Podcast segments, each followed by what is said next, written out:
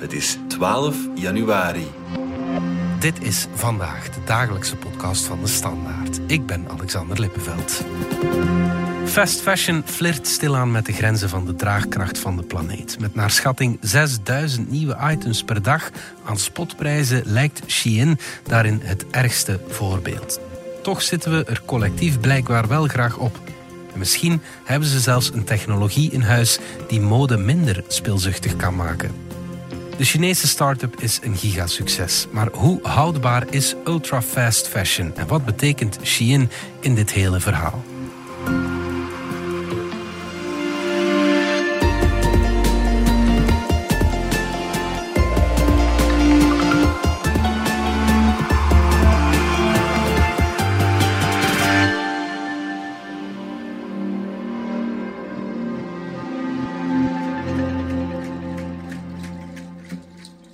Giselle Nat van onze buitenlandredactie. Om te beginnen, wat is Shein eigenlijk? Shein is ontstaan in China. Het is een online winkel, dus zonder fysieke winkels.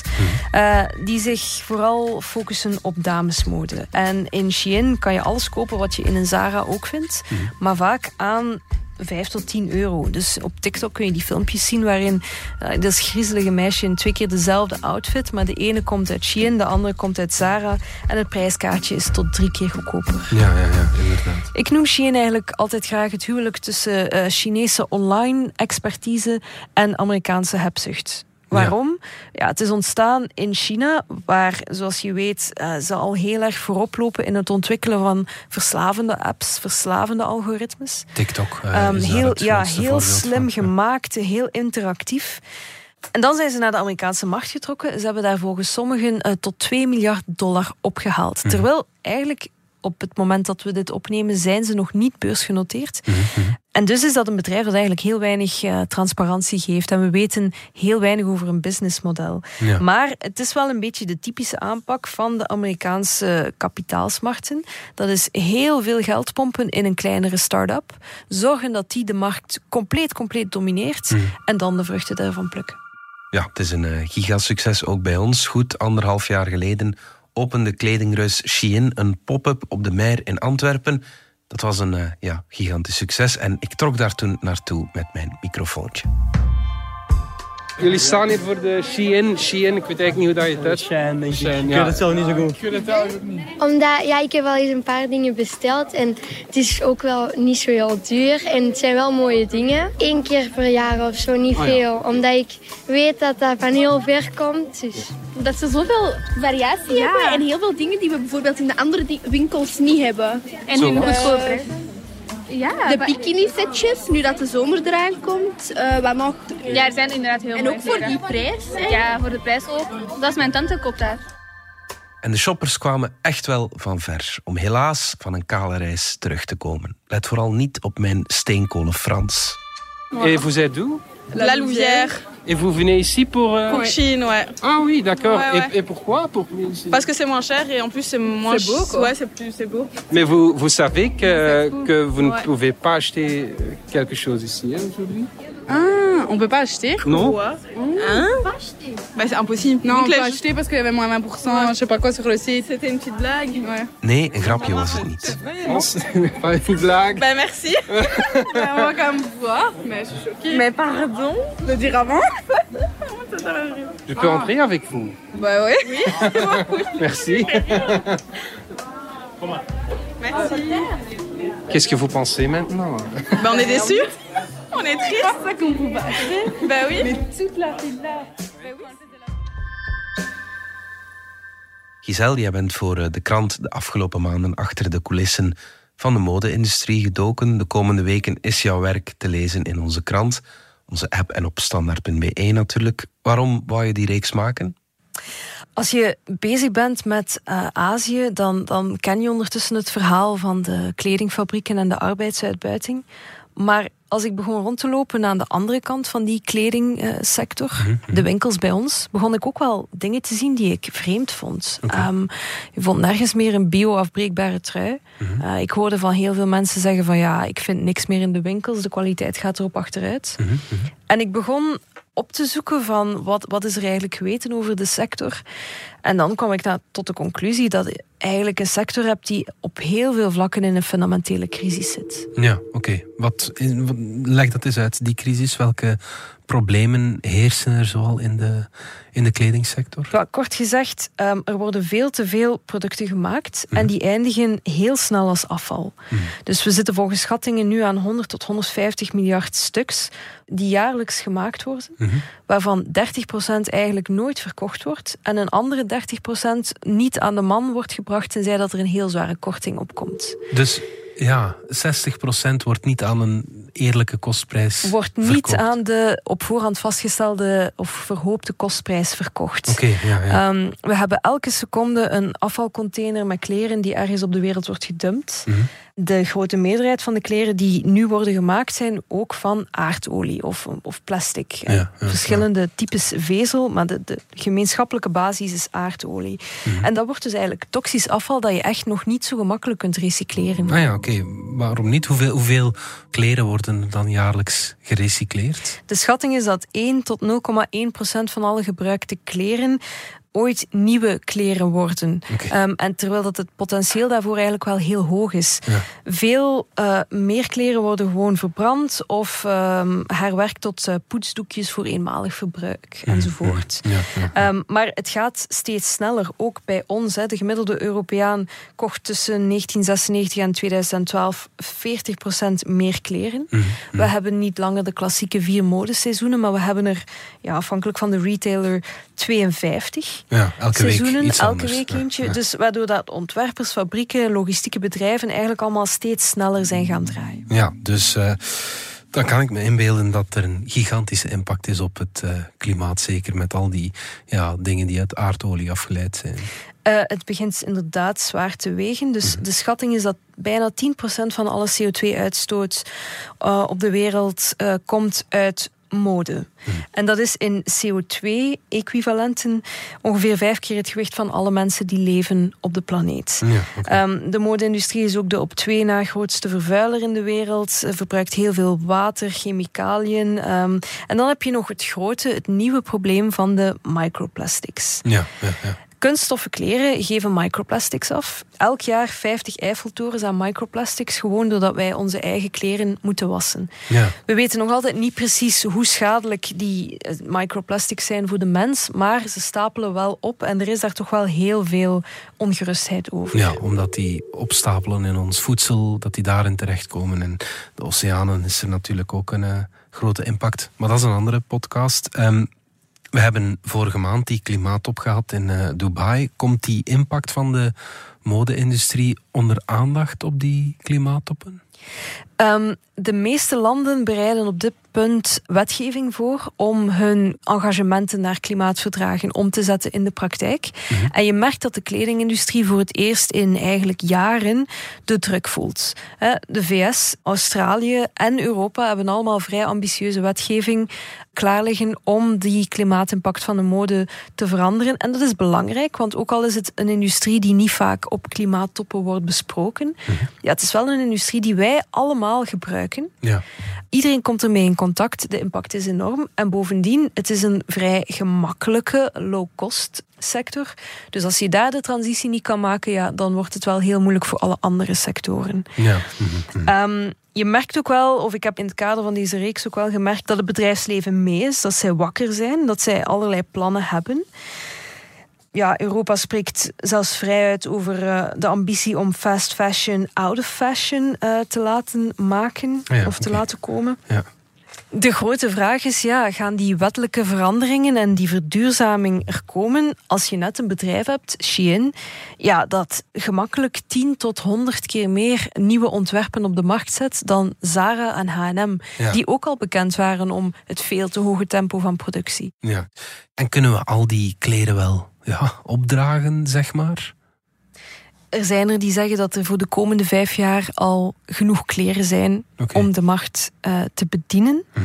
En sinds 2010 bestellen kledingmerken ook effectief meer stuks dan dat er aardbewoners zijn. Ah, maar natuurlijk, de toegang is volledig scheef getrokken. Dus mm. daar, daar zit een, een, een, gebrek aan sociale rechtvaardigheid in. Omdat je in het Westen heel veel mensen hebt die enorm veel kleren kunnen kopen. Maar een hele grote groep mensen uh, in het globale zuiden die nooit iets nieuws kunnen kopen. Giselle, we gaan het uh, verder over Shein hebben. Dat bedrijf maakt heel wat los bij mensen die met uh, duurzame mode bezig zijn. Maar de meeste shoppers liggen er niet echt van wakker. Dat hoorden we anderhalf jaar geleden in Antwerpen. En je weet dat het een omstreden bedrijf is? Hoe bedoelt u? Met werkomstandigheden en zo? Ja, als met elke kledingmerk, als je erover nadenkt. Niet elke kledingmerk is in orde, dus ik denk niet dat je daar kunt op oordelen op deze. Ik heb dat gezien ook op TikTok, omdat er dan uh, door kinderen, de kleren door kinderen worden gemaakt. Maar dat is bij uh, H&M en zo toch ook? En Zara ook. Maar, dat is bij al de anderen, hè? Maar ja, maar ook omdat er in hun kleren staat, help me. Dat wordt zo daarin genaaid. Sorry. Nee, dat wist ik niet. Het is wel zo bekend dat die zo niet echt, uh, dat zo met, wel met de arbeidsregels niet echt worden gevolgd. Maar ze hebben wel mooie kleren, vind ik, en te kopen. ja, ja. Soms is een uitzonderingetje maken. Ik geloof niet dat H&M uh, de mensen daar beter behandelt of uh, dat die beter betaald worden of wat dan ook. Well, ik denk daar toch wel echt bij na. Als ik koop op zoiets, zou wel even nadenken van ja, allee, hoe wordt iets gemaakt en zo. Toch wel belangrijk. Giselle, Shein overrompelt de markt, dat zei je daarnet al. Wat vinden andere bedrijven daarvan? Ik heb met heel veel mensen gepraat die bezig zijn met duurzame mode. De meeste van hen hebben ook kinderen, leeftijdsgroep 12 tot 17 jaar. Mhm. En zelfs die groep is volledig verslaafd aan Shein. Dus die mensen kunnen hun kinderen daar niet van weghouden, ook al leven zij dagelijks en praten zij dagelijks over duurzame mode. Dus Shein wordt beschreven door veel mensen in de sector als echt ja, de spelbreker. Heel veel mensen zijn boos op wat zij doen, zijn ook wel bang voor die uh, opmars van Shein. Mhm. Uh, want ook al regent het kritiek, die cijfers spreken voor zich. In 2021 had Shein in Europa een uh, marktaandeel bij de online modeverkoop van ongeveer 3,7 procent. Mm -hmm. uh, in 2023 was dat al 7 tot 12 procent. Okay, ja. In de VS hebben zij die online modemarkt opgepeuzeld. Ze zijn gesprongen van 18 procent marktaandeel naar 40 procent. Oké. Okay. Er is dus een ja, grote groei overal, vooral in de VS. Hoe komt het dat ze zo succesvol zijn? Marketeers noemden uh, Shein in 2023 de meest manipulatieve online shop die er bestaat voor kleren. Okay. Waarom? Omdat ze ja, met kortingen naar je hoofd smijten. Um, ze gebruiken allerlei slimme trucjes om je onder tijdsdruk te zetten, om je te verlokken om te kopen. Mm. En dan naast dat kortingsverhaal en die, en die heel goed verslavend opgebouwde algoritmes. -hmm. Ja, weten ze natuurlijk ook perfect wat je eigenlijk wil. Dus ze hebben alle stijlen in huis en, en heb je, ben je gevallen voor één item in een bepaalde stijl, Mhm. dan vind je daar al snel complementerende stukken kledij bij. Dus ja, het is, het is een spotgoedkoop app die ook nog eens heel goed in elkaar zit. Mhm. En zeker in Amerika, waar de kledingconsumptie nog veel uh, spilzuchtiger is dan in Europa, ja, scoort dat enorm. Het maakt het betaalbaar om Mhm. Dat soort van um, snel koop- en wegwerpgedrag voor te zetten. Ja. Hoe kan Shein zo goedkoop zijn, Giselle? Want ja, laat ons eerlijk zijn, Zara en H&M zijn ook al niet duur. En zij zijn nog maar eens een derde van de prijs. Um, een jurkje of een broek van 8 euro, ik kan je dat bijna niet inbeelden. Eén aspect is waarschijnlijk dat als Shein hun jurkje verkoopt aan 8 euro, Hm. dat ze daar waarschijnlijk ook verlies op maken. Okay. Dat dat ook niet winstgevend is. Hm. Um, maar dat ze dat nu op dit moment doen om dus die markt in te palmen. Hè, die jongere koper uh, te lokken en te hopen dat die dan ook na de eerste aankoop een tweede en een derde en een vierde doet. Mhm. En eenmaal dat je die, die routine hebt bij de markt, ja, dan kan je later ook nog de echte kost gaan doorrekenen van dat item. En kan je later die echte winstgevendheid uh, op gang brengen. En dat is waarschijnlijk waarom die Wall Street Boys in Shein geïnvesteerd hebben. Mm -hmm. Een tweede aspect is natuurlijk dat Shein op elke stap van de productie slim bespaart en efficiënt uh, de randjes afsnijdt. Hè, met een soort van meedogenloze cleverness uh, die, die eigen is aan China. Ja, dan kan ik me inbeelden dat arbeiders niet goed betaald worden uh, bij Shein?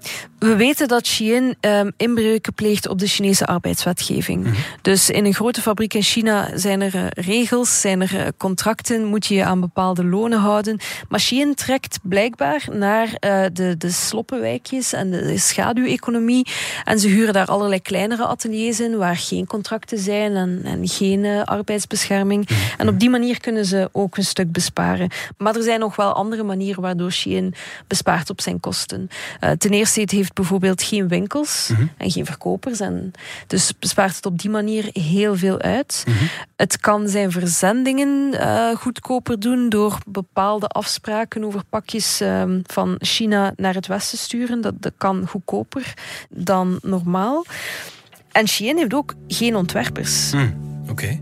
Hoe maken ze dan kledij? Wat Shein doet, is uh, het internet afschrapen op zoek naar designs. Mm -hmm. Dus zij stelen eigenlijk designs van het internet. Nu, dat is iets wat Sarah in der tijd ook wel deed en ook voor in opspraak kwam. Mm -hmm. Maar Sarah, ja, die keken naar de modeblogs en, en de boekjes en die maakte daar dan een rip-off van. Shein doet dat eigenlijk via artificial intelligence. Dus dat gaat veel sneller. Mm. Nu, Shein heeft ons gemaild dat ze de komende vijf jaar 50 miljoen dollar willen steken in jonge beginnende designers aantrekken. Mm -hmm. Nu, als je weet hoeveel zij waard zijn, dan, dan is dat peanuts. Ja. Maar je bespaart natuurlijk een hele brok uit als je je, de, je ontwerpen gewoon uh, van het internet plukt. Ja, nog even terug naar die productie van die, van die kledij zien we, zoals in Bangladesh, van die gigafabrieken met duizenden mensen die voor een dollar per dag uh, zitten te produceren? Of hoe, hoe zit dat dan? In China uh, heb je als textielarbeider eigenlijk vandaag de dag niet zo'n slecht loon. Ah ja. Maar dat is opnieuw in de gereguleerde fabrieken. Wat Shein doet, zijn die kleine ateliers, vaak geen gigafabrieken, maar ja, verdoken shops waar dan 30 tot 40 man snel, snel wat uh, items in elkaar naaien. En um, ja, dat, dat zou volgens Chinese onderzoekers toch de meerderheid uitmaken van Shein's toeleveringsnetwerk. Ja, En dat betekent ook dat Shein um, gaat voor een flexibele, wendbare productie met kleinere oplages. Ja, ja. Je moet weten, ja, zo'n Chinese gigafabriek, die zullen geen orders aanvaarden van 200 kledingstuks binnen 10 dagen. Dat mm. zou ongelooflijk duur zijn. Maar zo'n kleiner atelier, die dat dan een stukje uitbesteedt aan nog een vriend met een atelier, die ook wat familie te werk stelt, ja, die zullen dat wel doen. Ja. En het is eigenlijk op die manier dat Shein zoveel items op kleine oplagen kan produceren. Ja, waarom ja, tolereert Peking dat? Nu, de textielproductie in China heeft in 2021 een uh, zware klap gekregen. De Amerikanen hebben sancties opgelegd uh, vanwege de repressie tegen de Oeigoeren in Xinjiang. Mm -hmm. En dat betekent dus dat Chinees textiel nog heel moeilijk de grens overgeraakt. Mm -hmm. En waarschijnlijk heeft Peking, eh, ook na de economische crisis, een oogje dichtgeknepen voor een grote speler als Shein. In de hoop dat op die manier een stukje machtaandeel kon worden teruggewonnen. Dus wat Shein doet, klopt eigenlijk niet volgens de Chinese arbeidsregels. Maar ja, als je natuurlijk wegkijkt en de politie grijpt niet in, dan passeert dat. Straks duiken we verder in het uh, verhaal van Shein, maar eerst gaan we er even uit voor reclame. Gaat in januari jouw autohart ook altijd sneller kloppen? Wanneer je wil gaan kiezen en je vooral de beste deals niet uit het oog wil verliezen, kom dan zeker langs op het Hedin Autofest van Hedin Automotive. Je ontdekt er meerdere vertrouwde, maar ook enkele verrassend nieuwe merken in onze special showroom in Lokeren op 12, 13 en 14 januari. Al onze merken geven u onvoorwaardelijk de allerbeste voorwaarden. Meer info op hedinautomotive.be. Hedin Automotive. More for you.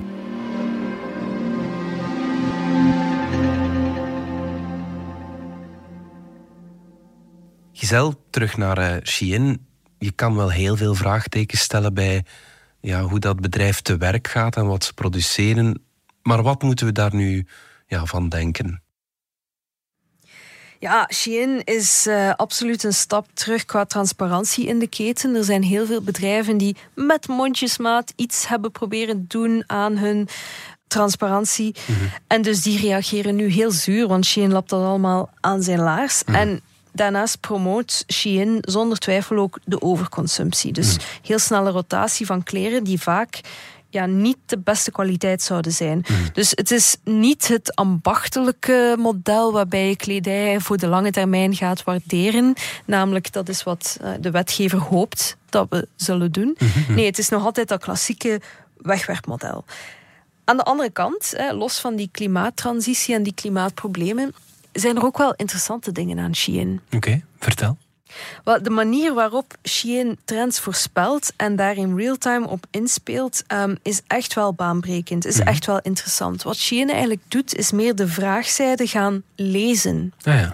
En daarvoor moet je begrijpen hoe de klassieke modesector eigenlijk werkt. Mhm. Je hebt ontwerpers, uh, die doen wat aan uh, trendvoorspellingen, die doen een beetje marktonderzoek.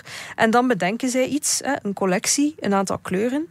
En daar gaan ze dan grote hoeveelheden van produceren en ze hopen dat er dan op het einde van de rit iemand in geïnteresseerd is. Dus alles vertrekt vanuit die aanvoerzijde. Ja. En het is juist die manier van werken die leidt tot de gigantische overschotten die er nu al zijn. H&M zou elk jaar zo'n 12 ton ongebruikte kledij verbrand hebben volgens bepaalde schattingen. Mhm. Eh, ja, hoe komt dat? Omdat zij iets bedenken wat eigenlijk achteraf geen kopers vindt. Mm. Shein draait dat eigenlijk helemaal om. En zij kijken via big data ja, wat is nu de trend in de markt? Wat wil de klant nu? Wat wil die over drie weken? En dan brengen zij die gegevens direct naar de designer of de fabrikant. Mm. Shein mailt ons van, wij beginnen altijd met 200 stuks. En het is pas als wij zien dat een bepaald item populair is, dan pas beginnen wij bij te bestellen. En daardoor zitten we eigenlijk nooit met die, met die klassieke overstok, die 30% die in de rest van de sector zo gangbaar is. Ja, oké, goed. Dat is dan wel interessant op zich, maar klopt het ook wat ze wel, hun claim over hun cijfers zijn natuurlijk niet onafhankelijk te verifiëren. We hebben heel lang contact gezocht met mensen van Shein. Dat is heel moeilijk. Mhm. En de vraag is trouwens ook of uh, ja, het, het op die manier tracken van de consument, of dat dat eigenlijk wel oké is met de Europese privacywetgeving. Mhm. Maar aan de andere kant, er zijn wel geloofwaardige redenen om te besluiten dat Shein niet echt een modebedrijf is, maar wel een digitaal platform, mhm. een artificial intelligence platform, dat eigenlijk gewoon de link maakt tussen de consument en de kleine fabrieken. Mhm. Op een slimme en snelle manier. Ja. En dat is trouwens het model dat zij vandaag ook exporteren naar andere regio's. Dus zij zijn naar Latijns-Amerika getrokken en daar linken zij zoveel mogelijk kleine fabriekjes aan een platform die vervolgens hun aanbod mogen showcaseen op het platform van Shein. Wat Shein eigenlijk doet, is die, die brands of die merken, die eigenlijk een tussenschakel vormen, even helemaal uit beeld nemen. Ja. En gewoon rechtstreeks de klant linken aan de fabriek. Ja, oké. Dus eigenlijk hebben ze ja, de business as usual wel doorbroken, kan je wel, zeggen. Dat is een heel andere aanpak. En het is trouwens een aanpak die nu ook door niet-Chinese bedrijven wordt verkocht aan klassieke merken. Dus er zijn in Amerika al ja, providers die dat soort data-driven forecasting in de modesector proberen toe te passen. Dus ze zijn al lang niet meer de enige, maar inderdaad, Shein met zijn digitale aanpak heeft die sector um, op zijn kop gezet. En het heeft natuurlijk ook de ogen geopend van heel veel beleidsmakers en modefans ook.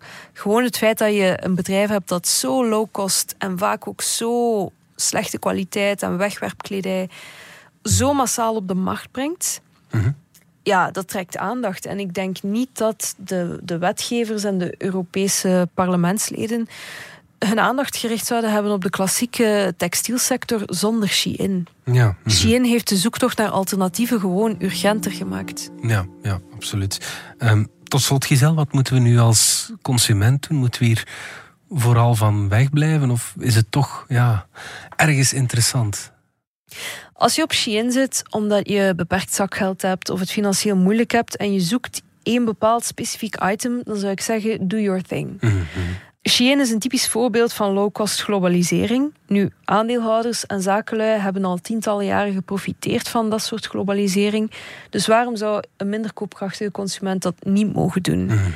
En daarbij vind ik het ook wel een beetje raar om bijvoorbeeld Shein te bekritiseren, maar dan Amazon, die nog altijd online fashion retailer nummer 2 is hier, ah, ja. toe te juichen. Um, dat, dat, dat wringt een beetje. Ja.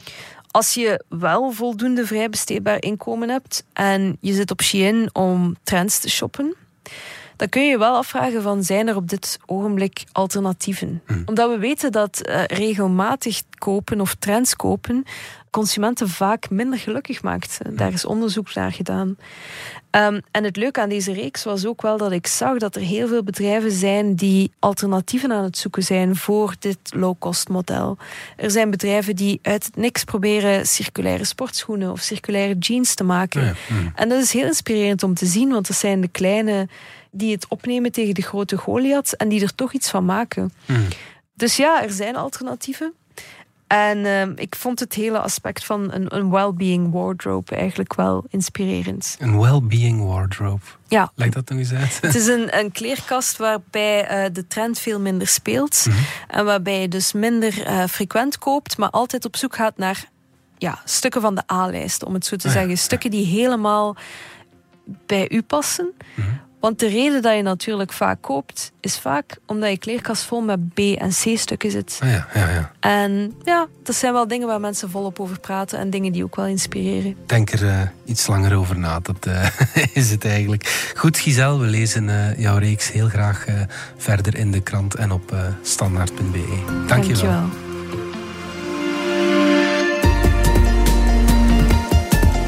Dit was vandaag de dagelijkse podcast van De Standaard. Bedankt voor het luisteren. Volg ons op Spotify, Apple Podcast of eender welk ander podcastplatform. In onze gratis FDS podcast kan je niet alleen ons werk beluisteren, maar ook de beste podcasttips terugvinden. Alle credits van de podcast die je net hoorde vind je op standaard.be-podcast. Reageren kan via podcast.standaard.be.